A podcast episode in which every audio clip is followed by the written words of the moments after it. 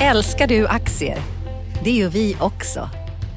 Sea Worldwide Asset Management är en av Nordens största oberoende aktiva aktieförvaltare och har samlad kunskap sedan 1986. Ta del av vår kunskap på seaworldwide.se. Bokstaven C, worldwide.se.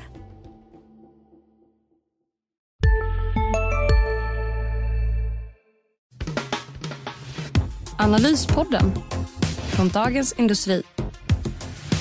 Hej och välkomna till Analyspodden med Dagens Industri. Jag heter Felicia Åkerman och är reporter och analytiker på tidningen. Och med mig har jag Uffe Pettersson som är börsanalytiker. Hej Ulf! Hallå Felicia!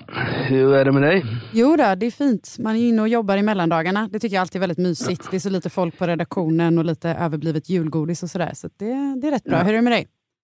Ja, men jag tycker också det är skönt att jobba eh, de här lugna dagarna. Det är liksom inget, inget jag är emot. Jag vet min pappa brukade som var bagare för länge, länge sedan. Han tyckte det var skönt om lördagen och då var det lite lugnare, allt var lite lugnare. Det kändes nästan som helg trots som att man jobbade lite grann. Så det är en ganska skön känsla, det håller jag med dig om. Ja, idag är det ju Men, ehm, väldigt lugnt på börsen också kan vi ju konstatera. Nu när vi gick in i studion här vid 11-snåret så var det knappt upp i Stockholm och det var ju samma sak i måndags när börsen sist hade öppet.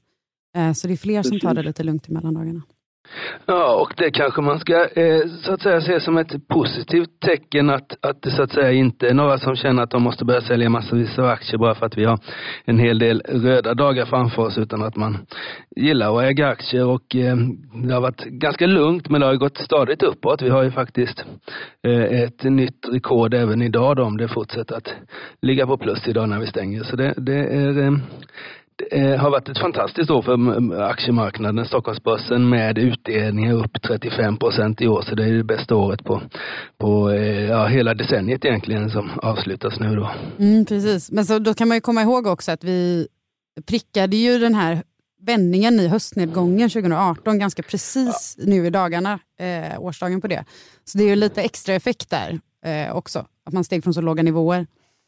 Ja precis, så hade vi liksom räknat från oktober förra året så hade det inte varit alls de här siffrorna eftersom vi hade rejält svaga månader eh, eh oktober, november, december förra året och så fick vi den här ändrade, som vi säkert har pratat om en del i, i podden, både du och jag och andra, eh, den här Feds ändrade eh, räntepolicy som vände hela marknaden där under, under förra julledigheten. Precis, men vi ska inte regna för mycket på paraden här.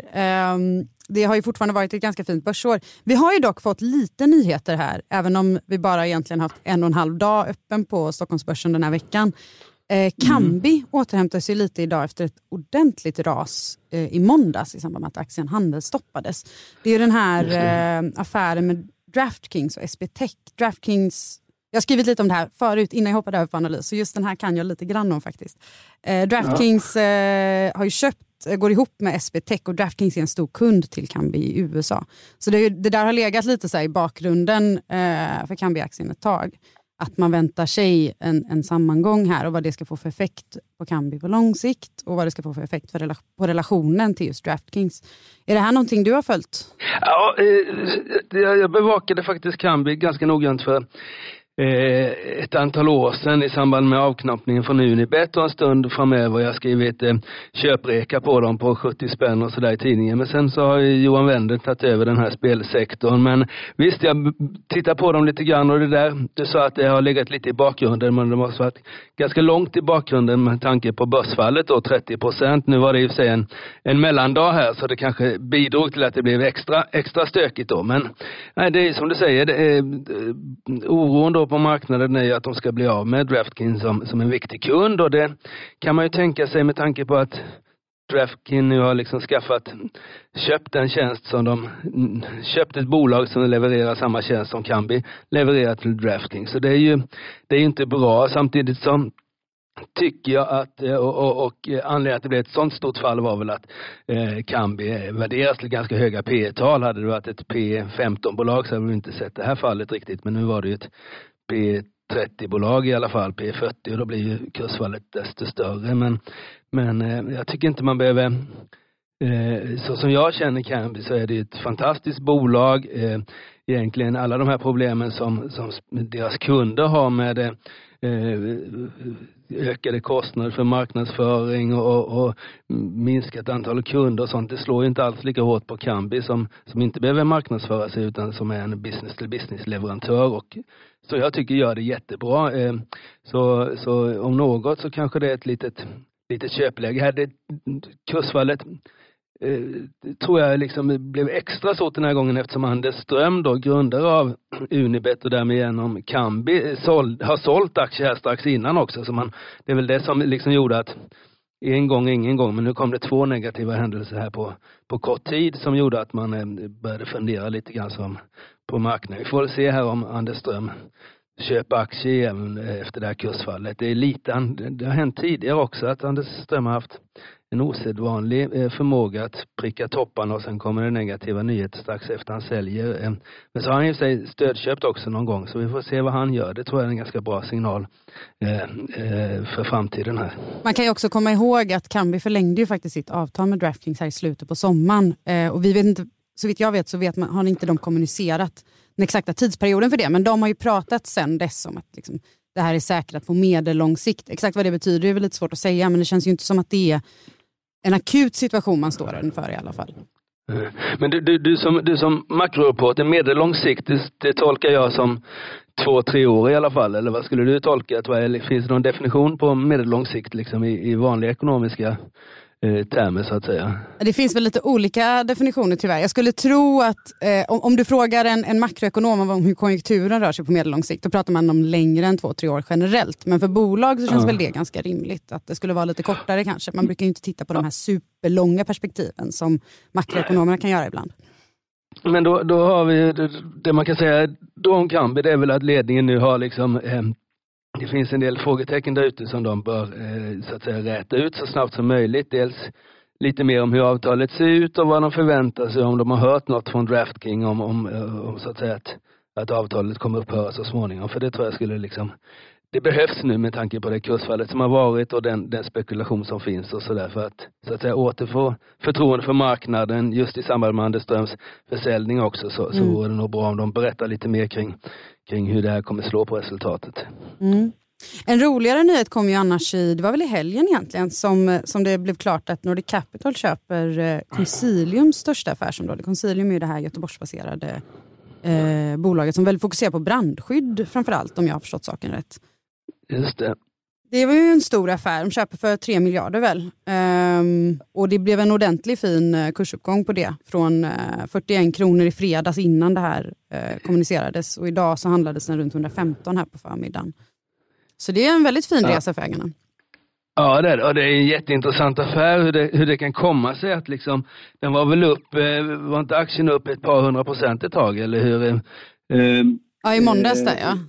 Ja, och det är lite, lite intressant att, att, liksom att det kan finnas sådana dolda värden i ett bolag eh, eh, eh, som, som marknaden inte upptäckt då utan eh, så kommer det en aktör som, som är beredd att betala den här köpeskillingen för ett eh, delbolag. Det man kan säga om det är väl att jag tycker inte någon skugga ska falla på Consilium. Det har ju varit ett, lite av ett utvecklingsbolag och haft en del förlustverksamheter som då har finansierats med den här lönsamma delen som, som Nordic Capital säljer nu, men de är ändå, de är en av de få bolag som levererar månadsdata på orderingång och sådär. Så de ändå, och de har haft, eh, har köpt en hel del sådana här, eh, ska vi säga analystjänster och sånt där som, eftersom det är väldigt få eh, vanliga analytiker som, eh, eller ingen egentligen som bevakar Consilium sådär, så har de ändå gjort vad de kan göra för att få ut så att säga, kunskapen om bolaget. Men eh, det har inte räckt till utan marknaden har behandlat dem, visade sig då nu efter den här stora affären, eh, styvmoderligt och eh, nu fick man ett rejält kurslyft här. Eh.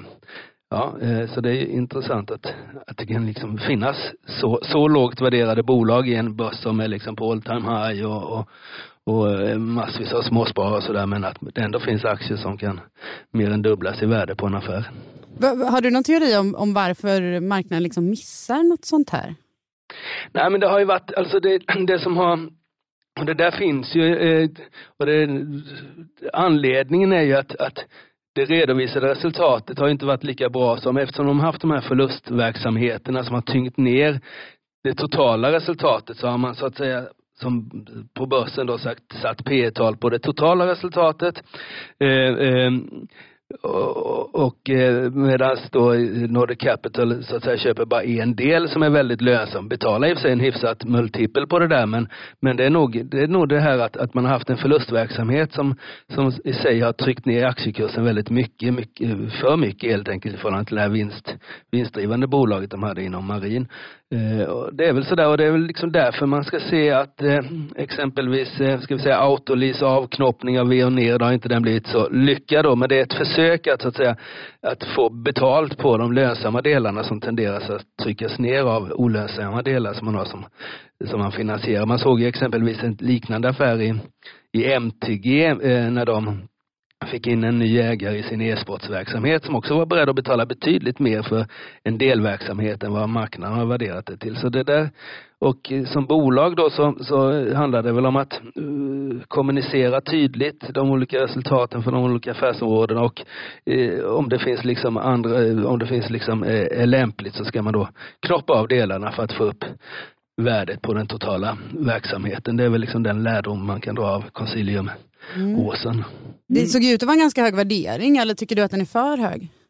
Ja, ja, ja men alltså det är ju, nu har vi ju ganska höga värderingar generellt sett på aktiemarknaden och eh, marindelen har ju haft, eh, ja nu kan jag inte siffran bra här, men de har ändå haft en order, orderingångstillväxt, vad är det, 20 procent eller något sånt där. Eh, rörelsemarginalen ligger på tvåsiffrigt. Visst, de betalar bra betalt, det är liksom inget inget skambud och eh, jag tror att Consilium har suttit i en ganska bra position här med en stark ägare som har haft råd att vänta ut det rätta priset och sådär att inte hade det så att säga eh, hade de inte haft den här starka ägaren i Rosenblad så hade, hade nog eh, hade nog Nordic Capital kunnat köpa hela bolaget betydligt billigare än de köpte en del för, för då hade marknaden gillat en budpremie på 50 procent. Men nu fanns det en ägare som visste värdet på det här som kunde hålla emot liksom när prisförhandlingarna satte fart. Så det, det ligger nog också lite i det. Men eh, ja, vi får väl se. Det är väl Nordic Capital betalar som sagt var Just nu pågår vår stora season sale med fantastiska priser på möbler och inredning. Passa på att fynda till hemmets alla rum, inne som ute, senast den 6 maj. Gör dig redo för sommar. Välkommen till Mio. CSRD, ännu en förkortning som väcker känslor hos företagare. Men lugn, våra rådgivare här på PWC har koll på det som din verksamhet berörs av.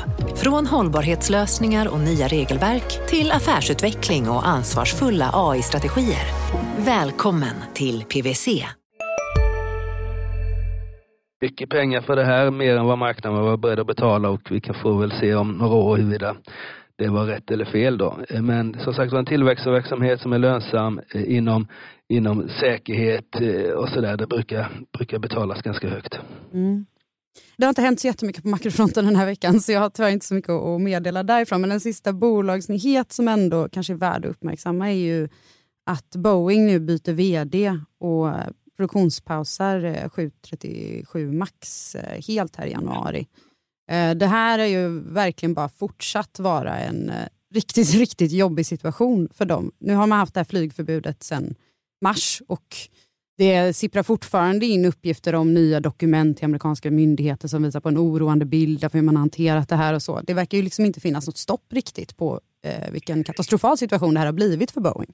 Ja, och det där, ja det finns ju hur många, hur många ska vi säga vinklar på det där som helst då. Dels har vi Boeing-vinkeln då där de så att säga en, en helt, ja, en flygplansmodell som liksom, och alla den utveckling som har varit kring det där som, som helt plötsligt liksom står på marken och kanske aldrig kommer generera några intäkter. Sen har vi ju det här hur det kunde, nu får ju Boeings vd gå och det, det är väl begripligt med tanke på hur det liksom har gått till men man undrar ju hur de kunde få planet godkänt från början här. Man tycker att vi har ju genom de här hundra åren vi har flugit på riktigt eller något så borde vi liksom, det borde finnas det borde inte hända att Boeing eh, tillsammans med Airbus, världens största eh, flygplanstillverkare, eh, kan göra ett plan som liksom som, som, som stöttar och får godkänt av då amerikanska myndigheter. Det är helt, alltså det är ju det, det är en större fråga än Boeing tycker jag att, att man räknar ju ändå med att att piloterna ska veta vad det är för knappar som flygplanstillverkaren har satt in i, i, i cockpit. Men det, det, så var det inte den här gången, vilket har kostat människoliv till och med. Ja, nej, men det där är en diskussion som nog kommer fortsätta ganska länge, just hur amerikanska myndigheter hanterar det och hur man, vad man har för relation till de här bolagen. Kanske framförallt ett ja. bolag som Boeing som också är ganska verksamt inom försvarssektorn och därför har ännu tajtare band till eh, just myndigheterna av, av de skälen. Liksom. Det där kommer nog fortsätta ganska länge tror jag. Sen så kan man ju också bara notera att det var inte så himla länge sedan som Ryanair eh, gjorde sorti från Skavsta och då pratar man ju bland annat om just det, att det är de här problemen med, de har ju varit en stor beställare av de här planen. att det eh, då skulle delvis vara en konsekvens av att man måste hantera att det har blivit som det blivit med de här leveranserna. Och ja, det faktum att man helt enkelt inte kan flyga de här flygplanen. Ja, och, och, det är ju inte bara Ryanair. Norwegians eh, fall här nu, och de drar ner på, är ju också att de så att säga beställt massvis av eh, Boeing-plan som inte, som inte levererar. Så det är väldigt krångligt. Även om de till syvende och sist kanske får tillbaka pengarna från Boeing med, med skadestånd och sådär så är det ett väldigt tapp för, för, för eh, flygoperatören, alltså flygbolagen då. Om de inte får de här planen. För det är ju inget flygplan är ju inget man beställer liksom bara sådär utan det är ju liksom väldigt långa processer för att, för att hantera det där. Så det är, det är inte bara Boeing som har drabbats, det är eh, de som satt i de här planen som ramlade ner och eh, även deras kunder. Så jag förstår att vd fick gå här och aktien har ju, aktieägarna också fått ta en del av sin smäll eftersom aktien har utvecklats dåligt eh, i år. Mm. Men vi närmar oss ju slutet på året. Mm. Eh, hur brukar det egentligen gå här, du som kan typ allt om börsen? Vad kan vi vänta oss de sista dagarna? Det som förr i tiden så var ju det här väldigt intressanta dagar, de här sista dagarna, för det var då, det var då aktier kunde stiga 20 procent helt plötsligt precis eh, för att, för att man ville ha upp kursen vid, eh, vid årsskiftet av olika anledningar. Man brukade prata om att det fanns fonder som ville, ville liksom redovisa goda siffror eh, under året och höjde sina aktier. Det där vet jag knappt eh, ens om det är lagligt nu. Och sen så hade vi olika skatteeffekter förr i tiden där man så att säga köpte skattebefriade, förmögenhetsskattebefriade aktier och, och sålde sånt som var för, förmögenhetsskattat. Sånt där är ju väldigt mycket mindre nu men för ett antal år sedan så kunde det bli väldiga rallyn i vissa aktier. Nu tror jag vi kommer gå i mål på ett betydligt lugnare sätt. Det tycker jag eh, dagens eh, kursutveckling då med en eh, uppgång på 0,1 procent eller något sånt där talar, talar för. Men eh, lite affärer, jag tror inte, jag tror det finns, vi har ju haft en del lite fastighetsaffärer och sånt där sista veckan då inte, inte något stort bud på något bolag men de har liksom sålt och köpt en del fastigheter och jag kan tänka mig att att eh, det kan göras sådana affärer även även eh, nästa vecka här eh, när vi öppnar igen den 30 att, att vi under helgen här har liksom fått någon affär för det, det är mycket som ska stängas innan årsskiftet och, och sådär. Så, så lite, lite sånt där. Så jag tror att man ska nog hålla sig lite vaken på måndag i alla fall för det kan nog dyka upp en och annan nyhet. Mm.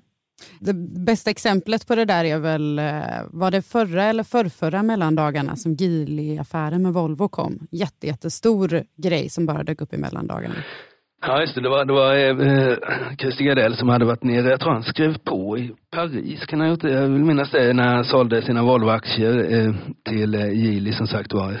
Eh, och det var en väldigt stor affär och eh, eh, ja, det är eh, vi får väl se. Det har ju varit, eh, Volvo var ju på tapeten även, även i år då, men då var det inte någon aktieaffär utan det var ju deras försäljning av sin japanska lastbilsverksamhet som också var en stor affär sådär. Så det kan nog det kanske inte är något i, i den storleksklassen vi kan förvänta oss, men lite, lite, lite grann tror jag vi kan hända i, i, när vi öppnar igen på måndag här.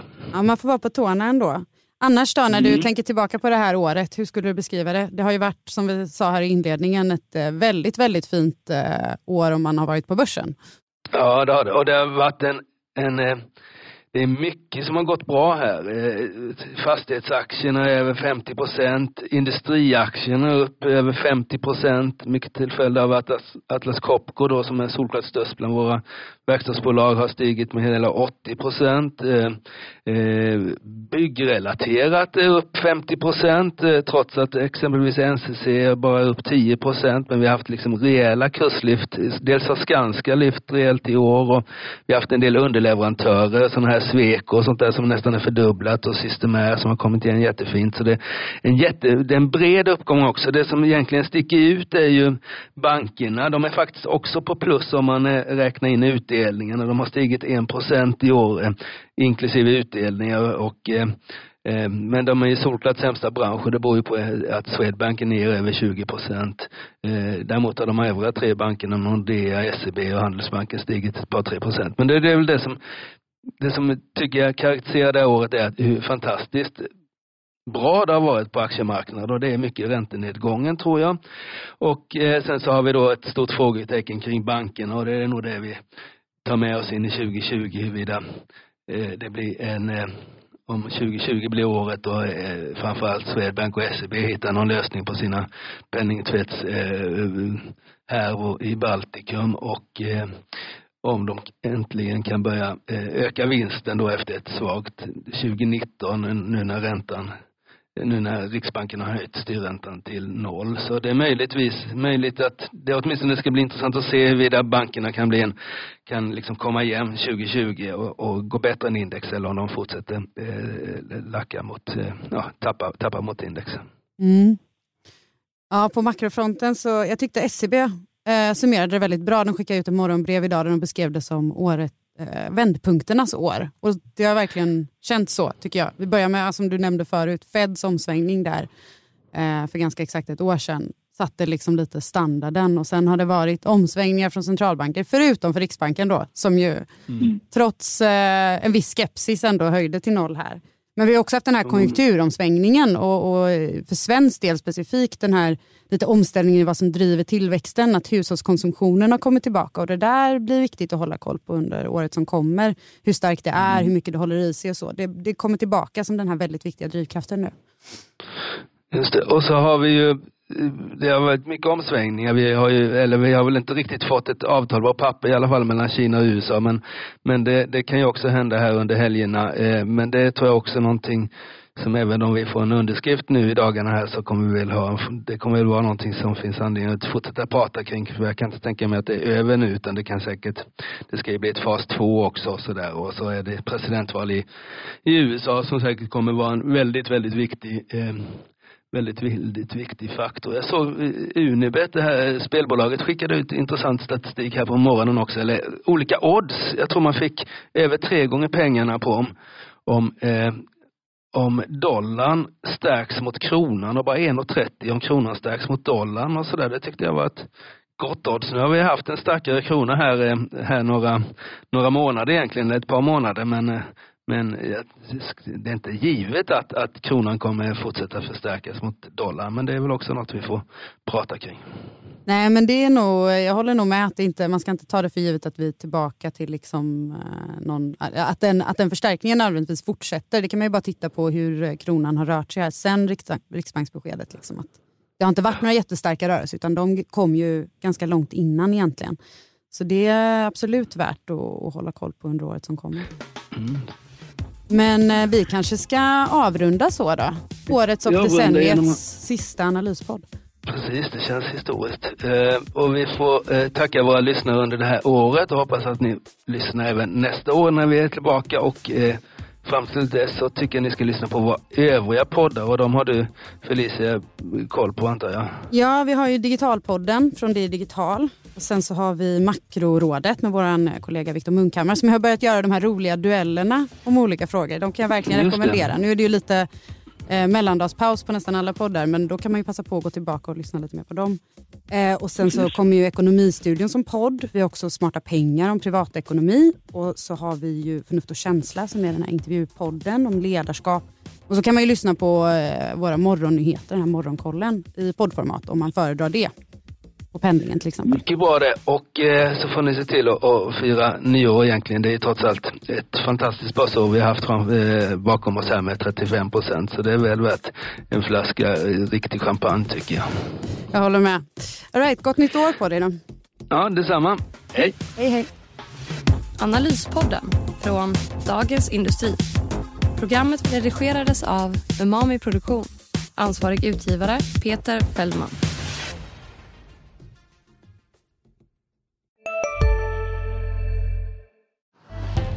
Älskar du aktier? Det gör vi också. Sea Worldwide Asset Management är en av Nordens största oberoende aktiva aktieförvaltare och har samlad kunskap sedan 1986. Ta del av vår kunskap på seaworldwide.se. Bokstaven C, worldwide.se